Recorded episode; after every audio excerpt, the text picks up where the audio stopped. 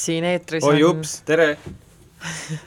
Lilian ja Siim äh,, täna on kahekümne seitsmes august, kell on viis ja eetris on äh, kolmas saade nimega Vitamiin K. täpselt nii, siin on Simka ja Lillu otse Telliskivist ja minul on külas Sten Saarits, kes sul külas on täna? Äh, minul on äh, külas väga äge perfoka kunstnik äh, Helena Keskküla äh,. miks ma ta siia täna tõin, on sellepärast, et tema teos on üleval EKKM-is oleval grupinäitusel, mida on veel võimalik vaadata mõni nädal vist on see EKKM-i näitusel üleval. aga räägime sellest natukene pikemalt mõne aja pärast, aga enne siis teeb. Siim Steniga midagi. jaa, me teeme enne, ma jäin just mõtlema selle peale, et see on meil selle suve viimane, viimane saade, millal sügis algab? Sügis algab septembris kakskümmend üks, kakskümmend kaks, siis vist tõesti jah. kui palju sa suvel kunsti nägid? Uh, kuule ikka sain näha põhiliselt uh, galerii laos um. aga jah, Eestist välja ei jõudnud, aga siiski ma arvan, et ikkagi selle suve soovitus oleks ära näha Balti Triennaal, mis praegu kunstijoones Mm. üleval on uh, teise septembrini on ju.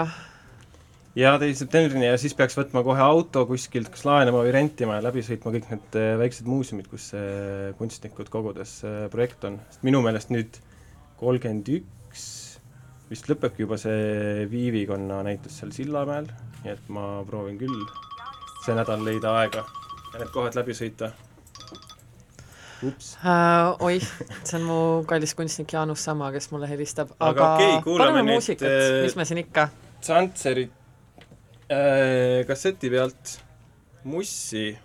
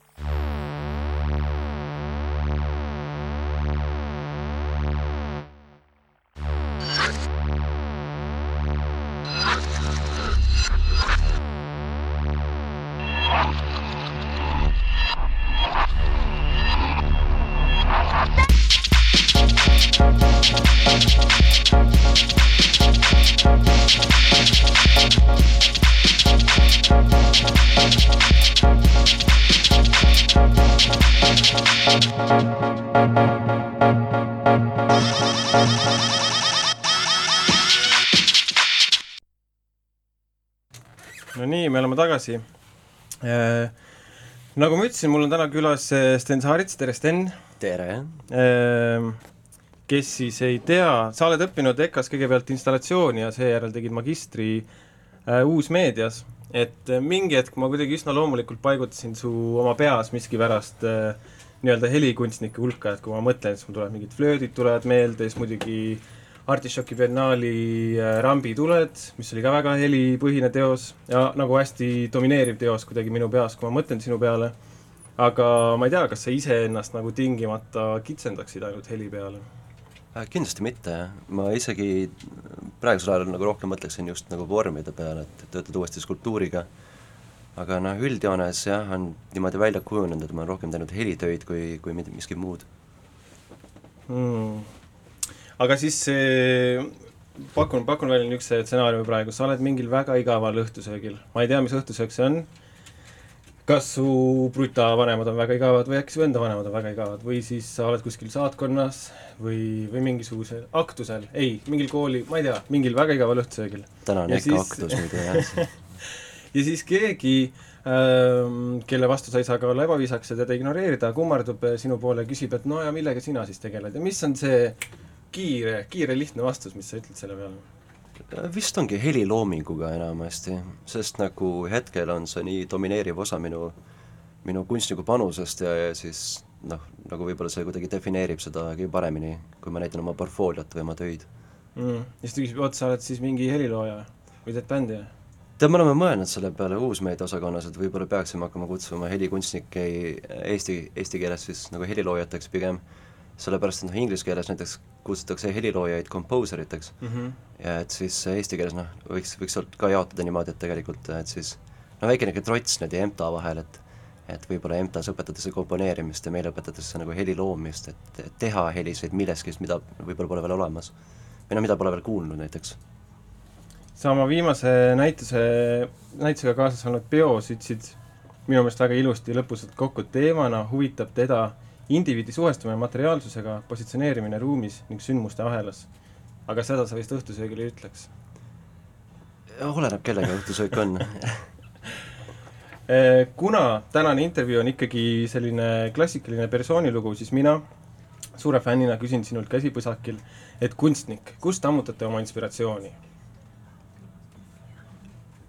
see on hea küsimus jah, nagu äh, väga raske on võib-olla defineerida seda nagu hetke või seda mingit mõtterännakut, mis, mis mingi teose valmimises äh, saab toime pandud äh,. Üldiselt nagu ma olen suur looduses rändaja, et võib-olla mingil määral niisugune äh, võib-olla argielu ja niisuguse nagu looduses jalutamise vahel kuidagi tekib mingisugune mingi risti-rästi mõtted ja sealt kuidagi hakkab alati midagi sündima et ma ise nagu tunnen, et enamus mu loomingut on alati kuidagi väga seotud jah, mingisuguse niisuguse nagu pigem metsakeskkonnaga või või mingi loodusmaastikuga. looduseni me jõuame. see inspiratsioonist, minu meelest see oli Daniel Keelmanni raamatus Mina ja Kaminski, kus siis suur kunstnik Kaminski vastas alati ajakirjanike küsimusele, et kust saate oma inspiratsiooni ühtemoodi ja see oli vannis. Et ta oli ette juba valmis mõelnud selle stampvastuse, et äh, vannis ja, ja ja, sellega kuidagi nullid selle kõik ära, inimesed saavad aru, vann on väga nagu rahustav, lõõgastav ähm, nagu mingi meditatsioonimoment, mingisugune kuidagi kujutad ette küll nagu neid häid mõtteid seal pähe tulemas. ja, ja ma kujutan ette küll, jah.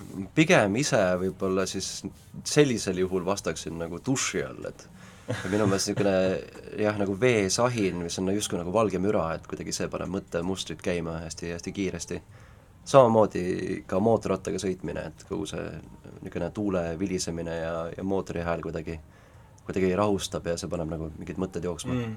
seda on, ma ei tea, kui levinud see on, nagu Marko Laimri nimetas seda tuuledrooniks, mis siis äh, iga mootorratturi kõrvus nagu kohiseb.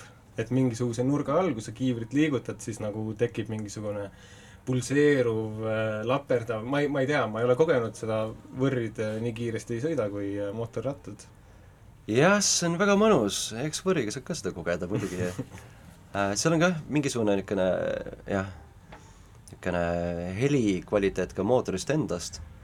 sõbraga just mõtlesime selle peale, et, et kui nagu kuulata nagu mootori pöördeid, eks ole, kui sa seda kiiremini või aeglasemalt või noh, kui sa keerad peale või maha, et siis tegelikult sa saaksid nagu välja arvutada, mis nagu noodis on mingisugune nagu noh, siis noh, mootori hääle Mm. moment ja nõnda sa saaksid võib-olla kirjutada kompositsiooni või mingisuguse pala lihtsalt äh, selle, selle peale, kuidas sa keerad gaasi juurde ja maha.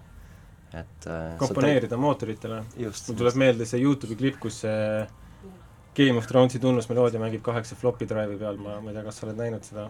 Kas see oli Game of Thrones, minu meelest oli see Ta Star Wars, mitu tükki on neid teinud jah?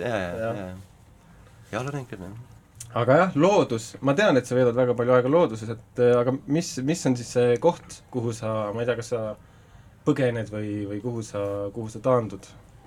on mingi üks koht, mingi meeliskoht? jah, võib noh, kõige familiaarsem koht on tavaliselt kõige meeldivam, sellepärast et siis on siis on kuidagi nagu see rännak on nagu selge, et sa võid ennast, ennast ära unustada, et võõra metsaga on või võõra, võõra looduskeskkonnaga on tihtilugu see äh, rännak äh, rohkem nagu GPS-is kui, kui nagu selles kohalolus, eks ole. aga, aga jah, mul on nagu suvila äh, niisuguses rahvuspargi lähedal äh,, kus siis metsas nagu käin hästi tihti ringi jalutamas, et kas see on äh,, ma ütlen, see looming on nii tehnoloogiapõhine, et kas see looduslähedus, äh, kas selles on nagu mingi ta-, tasakaalustav äh, roll, et justkui, sest minu meelest äh, ma olen kogenud ka seda, et noh, et et sa, sind ei saa kätte, kui sa nagu lähed ära, et sa lülitad telefoni välja, on ju yeah., et, et kas see on, samas muidugi ei tea, et äkki sul on seal maal ka, on ju, need kõige uuemad efektiivsemad päiksepaneelid, hüdropoonilised põllud, on ju, kiire valguskaabel jookseb kuskil seal nagu majja sisse. ei, seal on pigem asjad lihtsamad. Aga, aga jah, see, see võib-olla ongi kuidagi nagu sellega seotud, et tegelikult äh, ma töötan väga palju tehnoloogiaga ja, ja kõik igasugused heliinstallatsioonid ja teosed, mida ma valmistan, need on ka tegelikult noh, see on ikka väga palju stuudiotööd on taga ja hästi palju niisugust tehnilist teadmist, et, et võib-olla kui sellest korraks välja lülitada, siis siis tekivad niisugused nagu poolfilosoofilised või noh, täisfilosoofilised mõtted siis, siis mingis muus keskkonnas sellest, et millega sa tegeled iga päev, et et kui jalutad, jalutad looduses ringi, siis sul tekivad mingi teised võib-olla mingid äh, seosed loodusega, kui sul on, mõtted on võib-olla seotud hoopis mingisuguste, ma ei tea, argieluprotsessidega. aga mis on üldse sinu selline sketšboard või nagu töövahend, et ma noh, ma ei tea, et vana, vanasti oli kunstnikul oli joonistusplokk on ju, pliiats võib-olla kaasas, kui ta, isegi kui ta läks reisile, siis ikka oli see, see plokk nagu kaasas, et saad nagu reisi jooksul neid äh, visandeid teha, et kas kas see loodusesse minek on alati ikkagi niimoodi, et diktofon põues? Jah, salvestaja on mul kogu aeg kaasas, et äh, mul on praegu ka helisalvestaja kaasas. kas sa salvestad praegu ma ei salvesta praegult, aga ma just lõpetasin salvestamise mõni hetk tagasi, aga aga mm. jah, see äh, jah, jah, selles mõttes küll, jah. jah, mul, mina mainin, mul on tunne, et selle, selle sinu, sinu puhul selle looduse tehnoloogia mõistepari lahkamiseks on nagu väga hea ruumiline näide praegu Tallinnas olemas, selleks on sinu näitus koos Kristel Saaniga, mis on hetkel avatud siis Hobusepea galeriis. ja sissejuhatuseks siis nii palju, et ma saan aru, te korraldasite omaalgatusliku residentuuri enda rabas, kus te siis tegite nii-öelda fieldwork'i ja siis selle, selle residentuuri tulemus on siis meie ees galeriis, et, et siis nende salvestatud ähm, ma ei tea, sünteesitud, tõlgendatud materjalid, audiovisuaalsed materjalid on siis meie ees seal galeriis. minu jaoks äh, tagantjärele mõeldes äh, ma nüüd panen muidugi täiesti mööda, sest äh, seal näituse tekstis oli mainitud ka gravitatsiooni puudumist, aga mina ikkagi ei tundnud gravitatsiooni puudumist seal ruumis ja seisin kahe jalaga maa peal. Äh, et see näitus oli äh, düstoopiline, et mingi, ta, temas oli mingisugune küüni, küünika minus või ma ei tea, võib-olla see tuleb minust endast, jõuame selleni ka, aga et see on, see on ju laudtee, on siis see põhiline raba keskkonna tähistaja, midagi niisugust, mis on nagu äh, isegi arhetüüpsem kui pokk millegipärast nagu raba kirjeldamisel võib-olla paljude inimeste jaoks Äh, samas on mingid seal projektoritest tulevad äh, valguskujundid, mis on nagu, ma ei tea, mängime, et nad on virvatulukesed ja siis on see akustilistest äh, švammidest, helipaneelidest tehtud nagu vetruv turbapinnas, mida mööda ma saan nagu liikuda. et see on niisugune nagu ma ei tea, tehnoloogiline nagu raba aseaine justkui nagu toodud galeriisse sisse, et kas see on nagu, panen mööda või, või panen täppi praegu? jah, düstoopiline nagu huvitav termin, mida ma ei ole varem nagu võib-olla käsitlenud selle näituse puhul, aga aga ta on jah, suhteliselt niisugune ülevaade selle, sellest, mis seal on, jah. Äh, mis puudutab seda kaalutlust või niisugust nagu äh, jah, niisuguse massi puudumist, niisugust asja, tead see näituse idee veidikene algaski sellest, et äh, me jäime Kristeliga mõtlema, kas me saame kuidagi äh, kõnetada sellist äh, nullgravitatsiooni seisundit läbi kunsti mingit moodi, kas see on üldse võimalik et, et mida see nagu tähendaks, et me jäime just mõtlema niisuguse nagu noh, jah, internetielu peale või niisuguse nagu veebikeskkonna peale, et, et see justkui, justkui oleks niisugune kaalutu keskkond, et tal ei ole tegelikult niisugust nagu füüsilist massi olemas, et kõik on kuidagi nagu noh, pilves, eks ole, kõik, kõik, kõik tehingud eksisteerivad pilves. ja, ja kuidagi mõtlesime, kas me saame seda kuidagi kommenteerida äh, materiaalsete töödega, skulptuuridega mingit moodi sellist nagu kaalutud seisundit. Et, et, et kuidagi see on niisugune, ma tunnen, et see on meie jaoks niisugune maastikuuuring tegelikult, et ähm, et saada nagu aru, et kui sa tänapäeva näiteks lähed äh, looduskeskkonda, noh, selle, antud juhul siis rabasse, et kas sa saad aru, kuidas äh, sa võib-olla eksisteerid mitme maastiku niisugusel põimumisalal midagi, mida kutsuks võib-olla polüfooniliseks maastikuks, et, äh, et, et, et kuidas sinu äh, olukorra tajumine on mõjutatud läbi selle, et sul näiteks on taskus nutitelefon, kus sul on käimasolev mingisugune vestlus kellegiga teises kohas ja sa oled äh, kuidagi meelestatud see äh,, sellesse vestlusesse, eks ole, sa investeerid oma aja sellesse vestlusesse, sa veedad mõttes äh, aega selles küberruumis, aga samal ajal sa oled paralleelselt ka siis noh, niisuguses täiesti vastandlikus keskkonnas. et kuidas, kuidas need, jah, kuidas sa, kuidas sa tunned oma hetke, kui sa tegelikult eksisteerid mitmes kohas samaaegselt. et ja sealt see kuidagi hakkas nüüd lahti ketruma, et, et et kui internet on kaaluta, pärismaailm on ka-, on nagu noh, gravitatsioonipõhine, et siis äh, kuidas nad, kuidas see vahepealne niisugune võib-olla pool, poolkaaluga või kaaluta seisund võiks üldse nagu välja näha. See oli niisugune algne niisugune mm -hmm. ideevisand selle poole pealt, aga aga hiljem ta muutuski üha rohkem just selliseks nagu uurimuseks, et, et mis on siis nagu see jah, see mitme niisuguse nagu keskkonna põimumise äh, tunnetus ja läbi selle me hakkasime pigem rohkem juba töötama niisuguse nagu mäluga, et kui palju sa oled kohal kusagil. ja, ja ma äh,, kuna ma olen natukene käsitlenud 3D äh, kujundamist, 3D äh, objektide valmistamist ja nagu renderdamist, noh, kõik arvutipõhine, eks ole äh,, et siis äh,, siis on jah, niisugune, niisugune terminoloogia, eks ole, et sa noh, et, et joonistad oma polügoonid valmis, oma niisugused niisuguse võrkkesta joonistab valmis, eks ole, siis paned sinna mingisugused fassaadid peale ja kui sa tahad nüüd lõpuks saada selle pildi, selle 3D pildi arvutist kätte, siis sa vajutad nuppu render. ja siis ta renderdab sulle valmis sellise maastikuga, see renderdamisprotsess on tavaliselt niisugune pikaajaline. Järelikult äh, nagu vahepeal tekivad niisugused nagu noh, niisugune tekib niisugune materjali skeleton, siis tekib niisugused fassaadid, siis tekivad tekstuurid, siis tekivad läiked, siis tekivad peegeldused ja lõpuks on see täisvorm. et kas me saame võib-olla kuidagi sarnasel moel kujutada äh, nagu mälu äh,, mälu mingisugusest keskkonnast, et kui sa käid rabas nüüd ühe päeva, eks ole, on ju, või noh, meie juhul me ilmselt noh, nädal aega töötasime rabas, eks ole, ja kui sa lähed sealt eemale, kas sa kas sa täielikult teadvustad kõike, mida sa just kogusid, seda niiskust, seda, seda, seda, seda pehmet keskkonda, neid äh,, neid lõhnasid, noh, sookail lõhnab hästi tugevasti rabas, eks ole, et kas need kõik detailid on veel olemas või see, või see mälupilt on sinu jaoks nagu niisugune nagu poolrenderdatud 3D maailm? ja, ja me tahtsimegi luua võib-olla selle, selle keskkonna tõlgenduse just sellisena, et et ta nagu poolmälestus või pool kohalolu, ehk siis pool renderdatud keskkond. Ja läbi selle ongi võib-olla see laudtee on kõige detailsem, aga kõik teised asjad on justkui alles niisugused polügonaalsed ja sellised nurgelised ja neil on mingid omadused olemas, põrand on pehme, õõtsub, äh, helid on äh, noh, rabast endast, eks ole, helid jäävad kuidagi nagu meelde, aga aga, aga, aga, aga väga palju on jah, alles niimoodi poolvalmis. et, et, et niisugune mälu, mälupilt, võiks mm. öelda.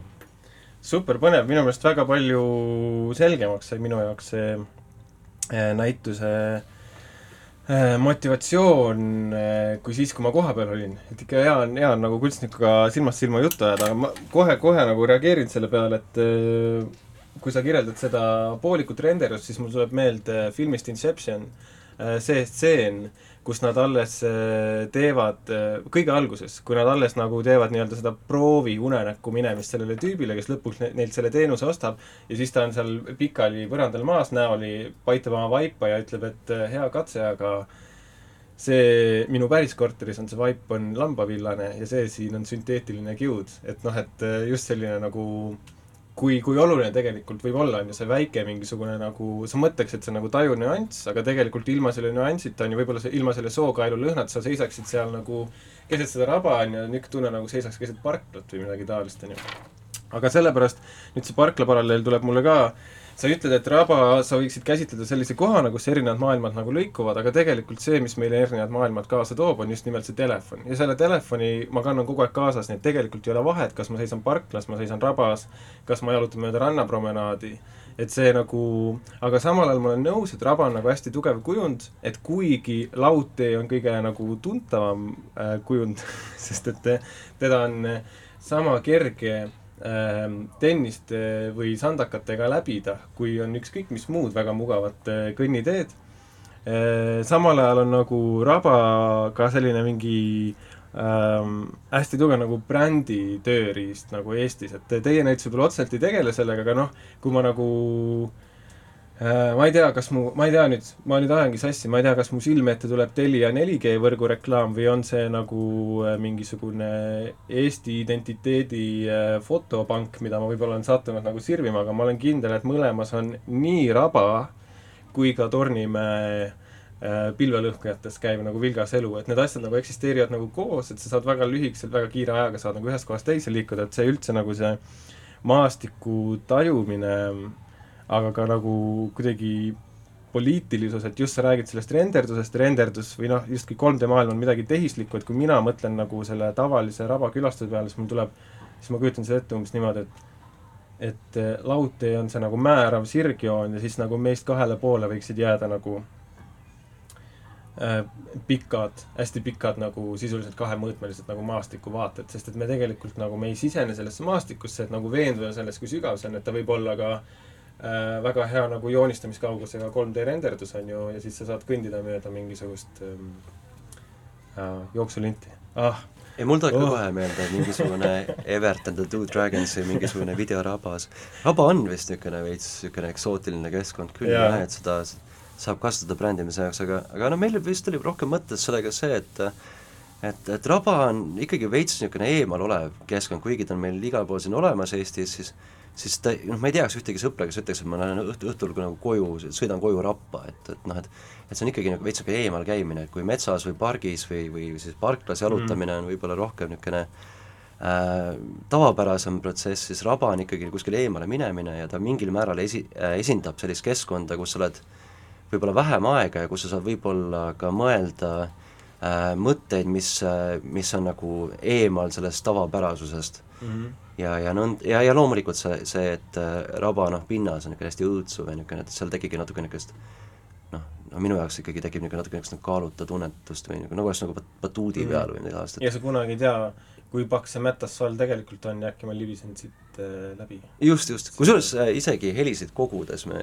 noh, täiesti tahtlikult isegi mitu korda isegi kukkusin läbi selle pinnase niimoodi mm. ja nagu, ja see on nagu mitmekihiline pinnas ka, et mm -hmm. pidevalt sügavamale ja, ja sügavamale ja aga, aga helid on, on põnevad, just need, just need rabast, selle pinnast läbi vajumine ja, ja sinna kinnijäämine, sellest tulid kõige paremad äh, helid välja, niisugused äh, justkui niisugused, niisugused nagu vingumised, niisugune õhk pääseb sellest pinnasest välja ja tekib niisugune vingumise heli nagu, Kristel ütles, et see meenutab justkui nagu itkusid mm., niisugune nutulaulu mm -hmm. ja, ja, ja siis, ja siis nagu need helid on ka, ka, ka need, mis lõpuks siis äh, osutusid näitusel äh, siis skulptuuridel sisse. et neid saab praegu siis kuulata seal.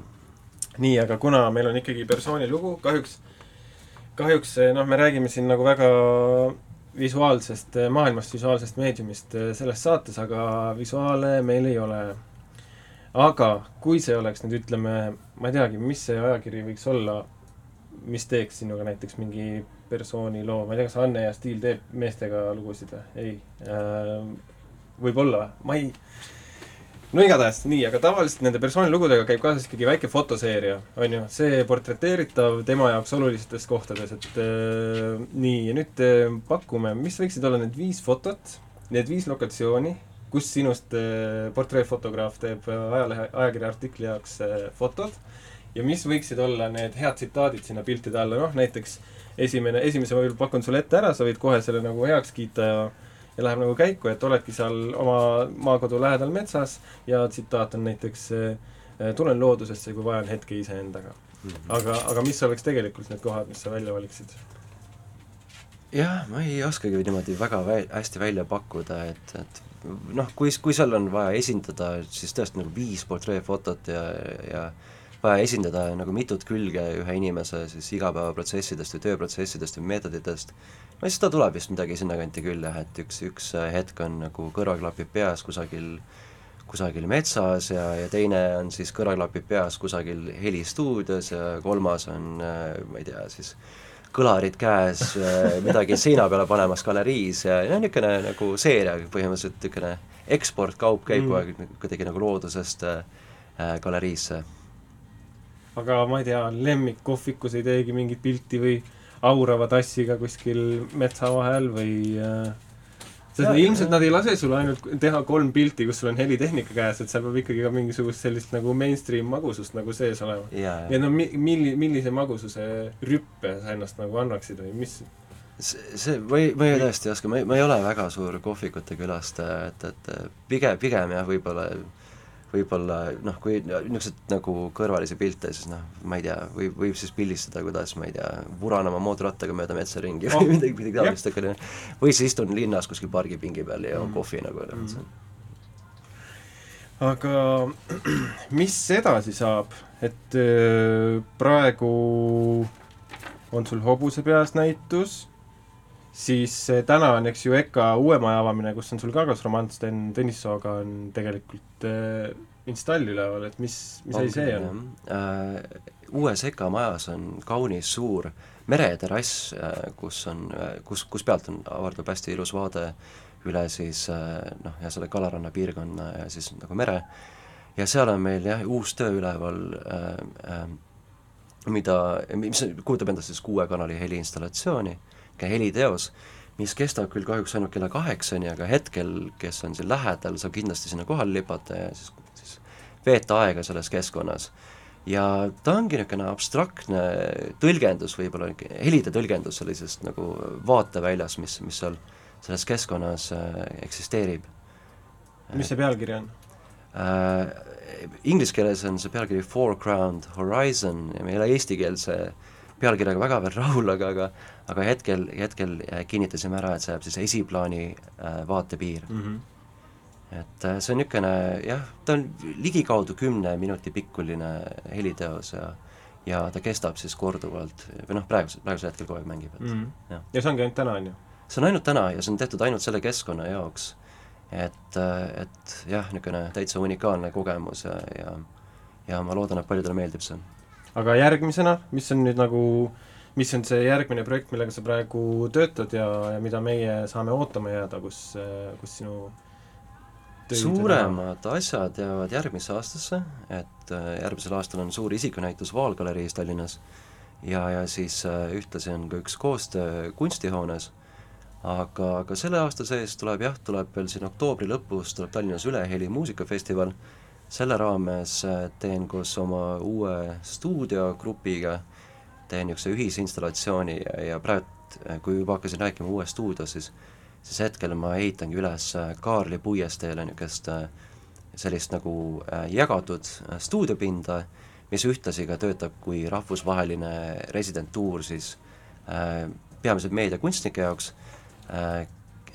kes siis noh, põhimõtteliselt ikkagi suunitlusega nagu, et arendada või või, või siis äh, võib-olla isegi natuke popularis-, populariseerida Eestis niisuguse helikunsti kultuuri, et et ootame siia hästi palju põnevaid kunstnikke igalt poolt. väga lahe, millal see, millal see avaneb äh,? Hetkel ongi niisugused äh, niisugused pidevad miitingud käimas, et, et saada paika kõik äh, nimed ja kõik sisekujundused ja kõik, kõik muud asjad, eks ole, rahastused äh, tulevase aasta residentuuride jaoks, aga, aga nüüd sügisel tahaks juba esimese nagu otsa lahti teha mm -hmm. ja ma arvan, et nüüd siis oktoobri lõpus siis Üleheli festivali raames me esimest korda avamegi selle nagu suuremale rahvale.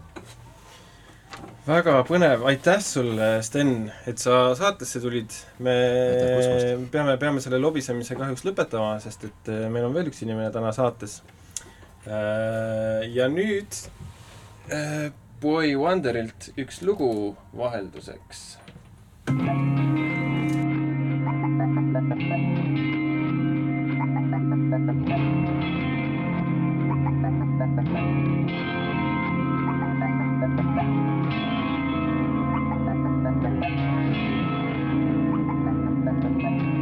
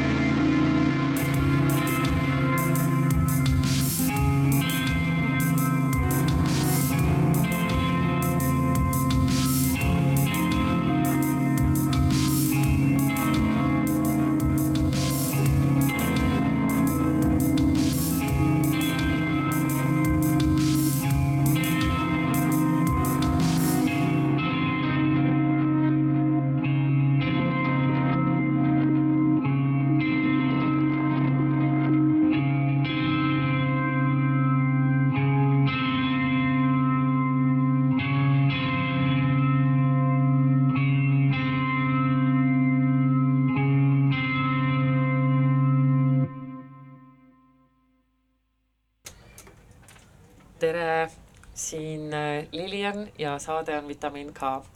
külas on mul äh, Helena Keskküla, performance kunstnik ja artist, kellel on parasjagu üleval EKKM-is teos grupinäitusel nimega Üks infodžaul, mis on kureeritud Jekaterina Šerbakova poolt, näha saab seda üheksanda septembrini. Ma alustaks natuke sellest näituse kontekstist, et äh, üks džaul on energiahulk, mis kulub keha liigutamiseks ühe meetri võrra, aga kas infodžaul on siis info liikumine, kas sina tead seda kontseptsiooni, mis Ekaterinal oli? no mina sain sellest küll niimoodi aru, et tõesti nagu kõik mõjutab kõike natukene ja samamoodi ka infoga mm -hmm. kandub edasi kõik, mis me teeme. jaa, tõsi, ma vaatan, et äh, ma korraks tsiteerin seda näituse teksti, mis on niimoodi, et äh, nihked, hõivamised, süsteemivead, kokkuvoolavused kinnitavad loodava süsteemi elujõudu.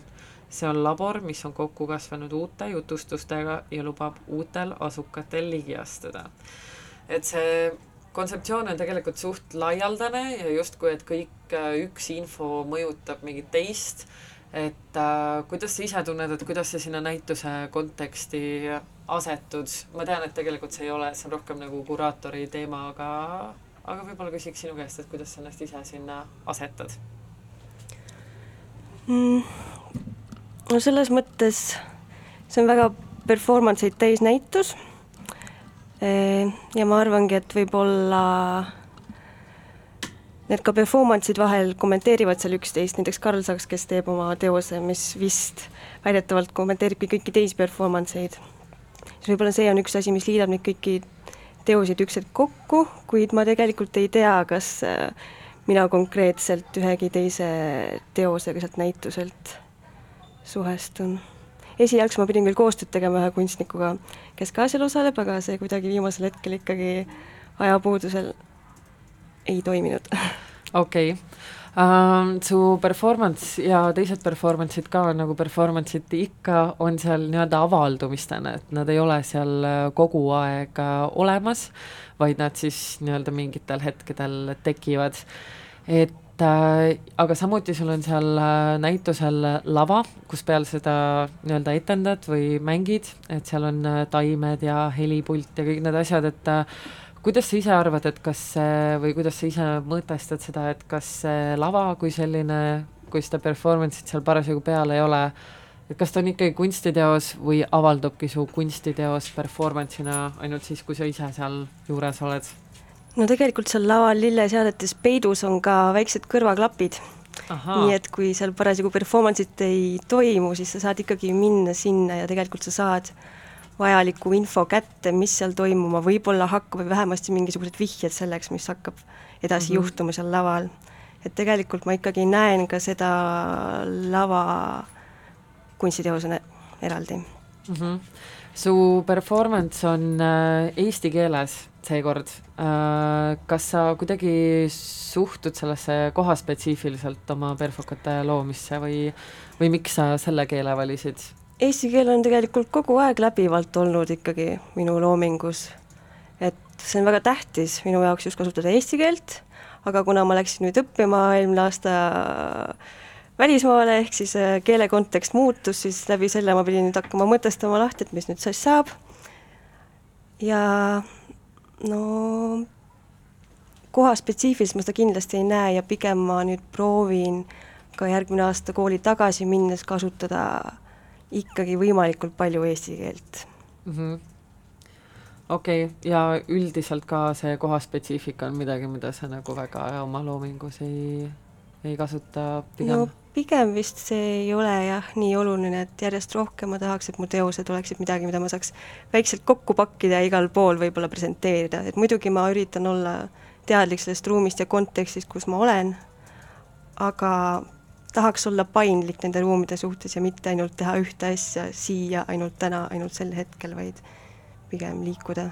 see on ka väga ökonoomne lähenemine, ma ütleks, sest mul veel ei tule see väga hästi välja, aga no sul on veel harjutamisruumi ka õnneks. räägi, kus äh, koolis sa õpid, mis sa teed seal? ma õpin praegu Ritveldi Akadeemias Moving Image erialal mm. -hmm. ja mida see siis täpsemalt kujutab, ma saan aru, et moving image ei ole film konkreetselt? eks see ongi natuke helikunsti, natuke videokunsti, natuke performance'it seal õppekavas, et niisugune üks ühendav asi on, et see kunst siis toimib ajas mm. -hmm. et aeg on see mõiste. ja sa siis äh, nüüd tulevasel kevadel ilmselt äh, lõpetad selle magistrikraadiga? see ei ole magister, see on bakalaureus. aa, okei okay., nii et äh, teine baka siis? jah, see on teine baka, kuhu ma hüppasin niimoodi poole pealt äh, sisse ja nüüd ruttu lõpetan mm.. Fun fact ähm,, täna on üheksakümmend protsenti meie saate inimestest EKA skulptuuri ja installatsiooni osakonnast. ma ise olen seal lõpetanud, Helena on seal õppinud ja samuti Sten Saarits. Siim on ainukene, kes seda ei ole teinud aga räägime edasi Helena loomingust, mis on väga põnev, et äh, pöörduks nüüd natukene su loomingu sisu poole. et ühest küljest on äh, see vorm, kus su looming on, ta on nagu kuidagi hästi niisugusesse kenasse naiivse tüdruku vormi pandud, need perfokad, mis su, äh, mida sa etendad, ja samuti need muusikavideod, et seal näeb tihtipeale niisugust armsat, naiivset, võib-olla natukene elukauget äh, karakterit ja samas ähm, noh, need on kindlasti seotud niisuguste äh, isiklike elementide läbielamistega, aga need on kuidagi kavalalt ka põimitud äh, natukene ühiskonnakriitiliseks ja ühiskonna ideaale ja ootuseid ja väärtuseid ironiseerivasse niisugusesse kombinatsiooni. Et äh, see kõik on kuidagi väga mänguline ja seda on hästi tore alati vaadata ja kuidagi niisugune hästi nagu suhestub vaataja endaga et kas see mängulisus on sinu jaoks oluline äh, aspekt ja kas sa lood seda kuidagi teadlikult või sa lihtsalt äh, oledki niisugune mänguline inimene? no ma arvan, et see teebki kunsti tegemise praegu minu jaoks nauditavaks, minu jaoks on väga oluline ja ma arvan, et see mängulisus on ka üks asi, mis võib-olla lubab rääkida mingitest teravamatest või valusamatest asjadest just läbi selle naiivsuse ja pehme häälega saabki luua mingeid kontraste võib-olla, et need tulevad teistmoodi esile mm. -hmm.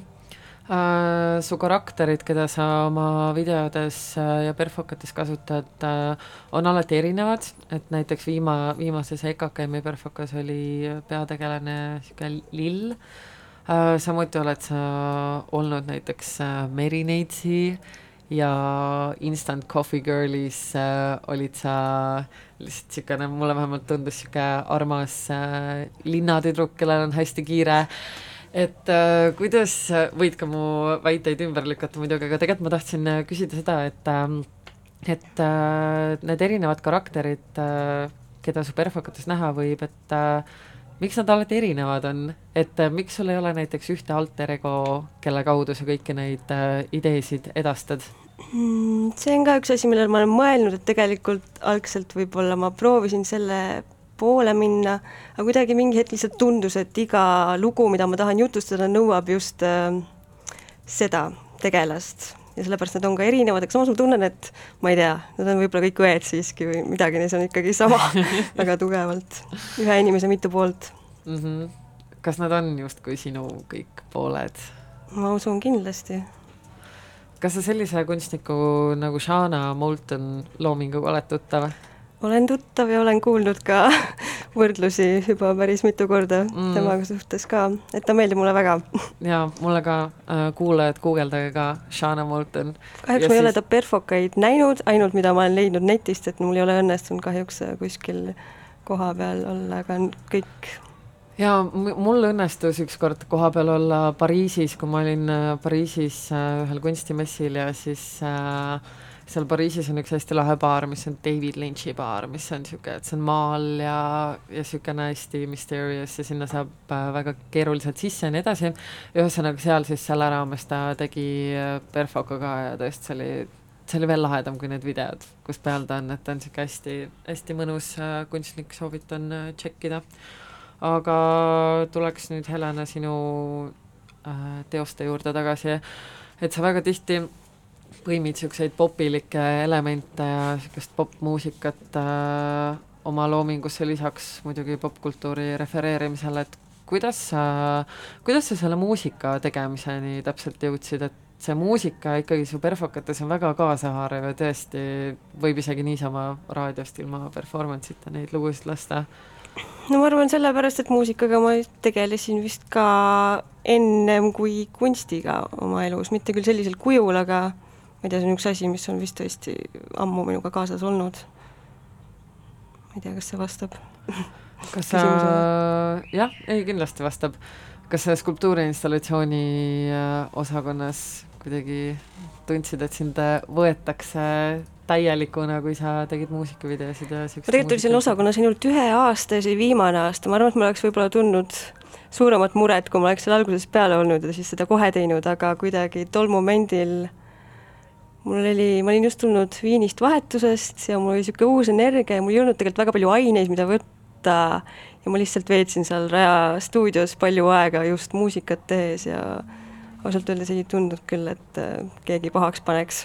jaa, ma mäletan, kui ma ise seal osakonnas õppisin, siis äh, oli ka kuidagi, Kirke Kangro oli just osakonna juhatajaks tulnud ja ta tõesti kuidagi avardas seda skulptuuri perspektiivi palju rohkem ja kuidagi need õppejõud, kes seal olid ka külalisõppejõudud, need, need olid äh, väga eripalgelised ja huvitavad, et ei olnud niisugune meediumipõhine asi, vaid tõesti, et hästi niisugune sai nagu kuidagi vabalt luua. jah, sellepärast ma tegelikult sinna vahetasingi ennast graafikaosakonnast, et ma kuidagi tundsin tol momendil, et seal on kõige rohkem seda vabadust -hmm. ja mul on tunne, et mul oli õigus kas sa kunstnikuna tunned tihti mingit piiratust ka või kuidas selle vabadusega on sul muidu, et näiteks kui sa Amsterdamis äh, seal akadeemias õpid, kas sa tunned kuidagi, et sind suunatakse kuskile poole tahtlikult õppejõudude poolt või ikkagi seal on nagu hästi Nad on ikkagi see... väga avatud selles suhtes ja toetavad ja ma isegi võib-olla tunnen, et natuke rohkem tahaks mingisugust äh, tagantlükkamist mingite asjade suhtes,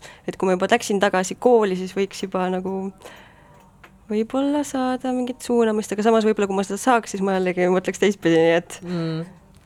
Aga see lille perfokas, mis äh, nüüd EKKM-is äh, avaldus, et seal selles loos sa konkreetselt räägid niisugusest äh, nagu isanda ja tööriista suhtest, et kust see, kust niisugused mõtted nii-öelda tulevad, et see on tegelikult väga relevantne teema kogu muusika ja kunstimaailmas ka, et justkui mänedžer on see nii-öelda isand ja siis äh, äh, artist on äh, just a tool, et kas sul endal ka niisuguseid kokkupuuteid olnud või või lihtsalt leiad, et see on teema, mida no ma ei saaks öelda, et mul endal oleks selliseid kogemusi, aga pigem just ma hakkasin mõtlema Eesti muusika pildi peale, et tegelikult äh, huvitavaid naisartiste on võib-olla vähemasti mingites žanrites tunduvalt vähem. ja ma mõtlesin ka just äh, jah, kuidas on see mänedžeri roll olnud nii Eesti kui välismaa popmuusikas nii tugevalt mingites asjades sees ja mingid asjad Eesti popmuusikas käisid mulle närvidele, nii et ma tundsin, et ma tahaks kuidagi sõna võtta nende vastu ja just nii, et ma ise loon nüüd ühe artisti ja kontrollin kõike, mis tema suust välja tuleb. ja algselt pidi see karakter olema hoopis poiss, mitte tüdruk, aga ma kuidagi sain aru, et ma lihtsalt, ma ei suuda panna ennast sinna perspektiivi, et nagu kirjutada selliseid tekste, mis mõjuksid ka veenvalt selle inimese suus. ja see poiss, kellega ma algselt rääkisin, kes oleks tulnud siis ka Pärnust, muideks see, see artist, kes oli, oli just Pärnu tüdruk, viieteistaastane, mis oli ta oli väga, väga lahe, ta sobis sulle tõesti väga hästi. jah, vot siis ma saingi aru, et kui ma temaga koostööd tegin, et ei, mul ei ole vaja kedagi teist, just tema on see õige tüdruk, nii et kas ta jääb ka edaspidiseks su perfokate osaks, plaanid seda ka veel koostööd teha või? no ma natuke kahtlen.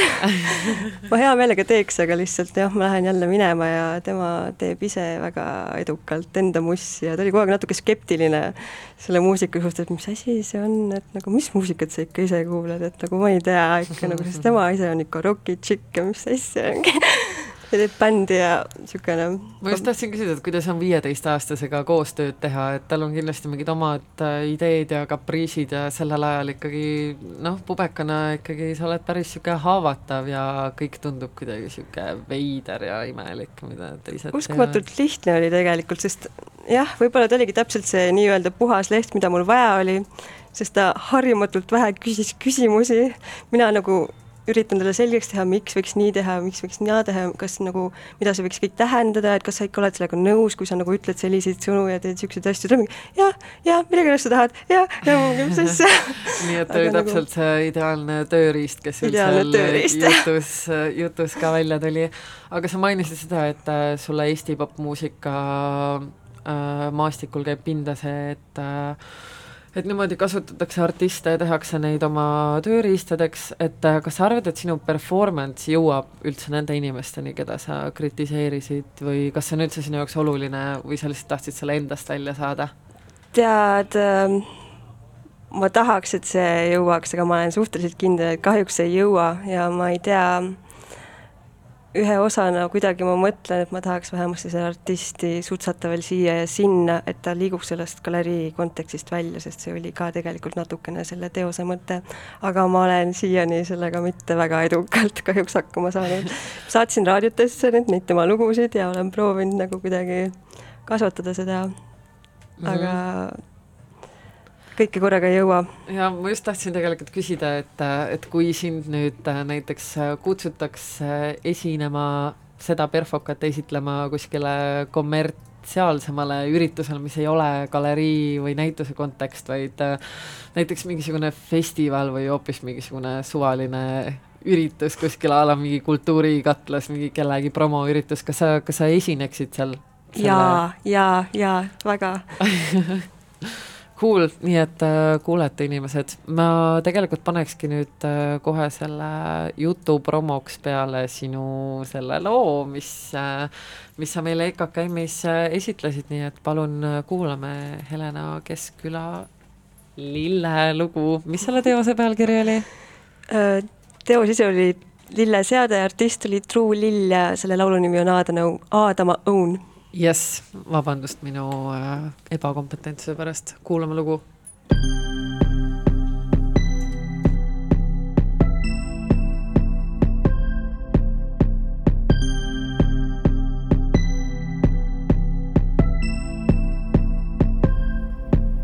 ma guugeldasin kõiki enda sümptomeid. Google ütles, et ma olen surnud raviks pistsin nahkapaki müntoni, ülestõusu pole veel tulnud. kõrvalmõju pole palun minimaalne, terveks saada siiski väga tahaks. ravimeetodid on veidi illegaalsed, see on tavaline, ma ei pane pahaks. tere, mu nimi on Eva, olen vahel veits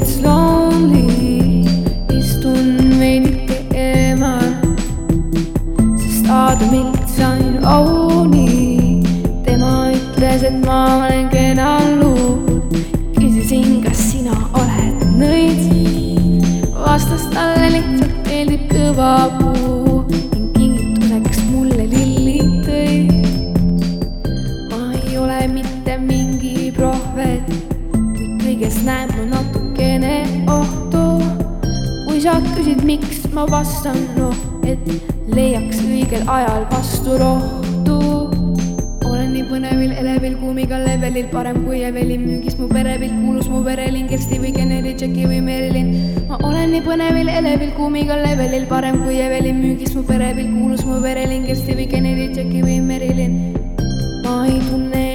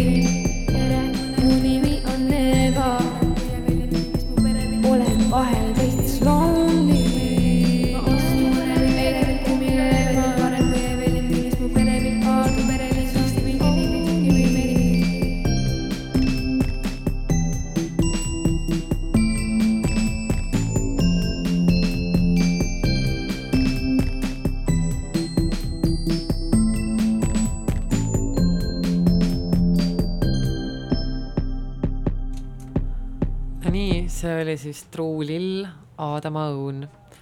Helena, ma küsin sult veel paar äh, lõpuküsimust, äh, enne kui meie saade ära lõpeb, et äh, mina tahaks sind küll järgmisena kuskil juba uuesti näha esinemas, kus, kus seda teha saab, kus sa järgmisena üles astud?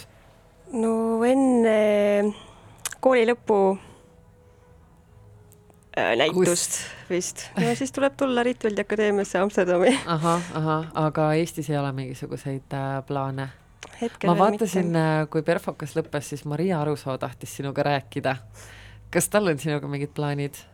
ei tea veel, pole veel rääkinud. Äh, sest et ta korraldab ju Riias nüüd, kureerib ühte performance'i festivali, mis nüüd juba üpris varsti peaks aset leidma, ma arvan, mingi septembri keskel või et äh, okei okay,, ühesõnaga seal siis sind ei näe siis jah, ma lootsin, et natuke kahtlen.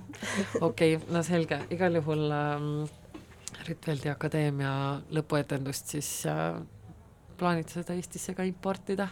tahaks küll, aga jah, pärast lõpetamist siis tuleb mul Hobusepeas mm -hmm. näitus tegelikult, see on vist siis kaks tuhat üheksateist äh, detsember äkki.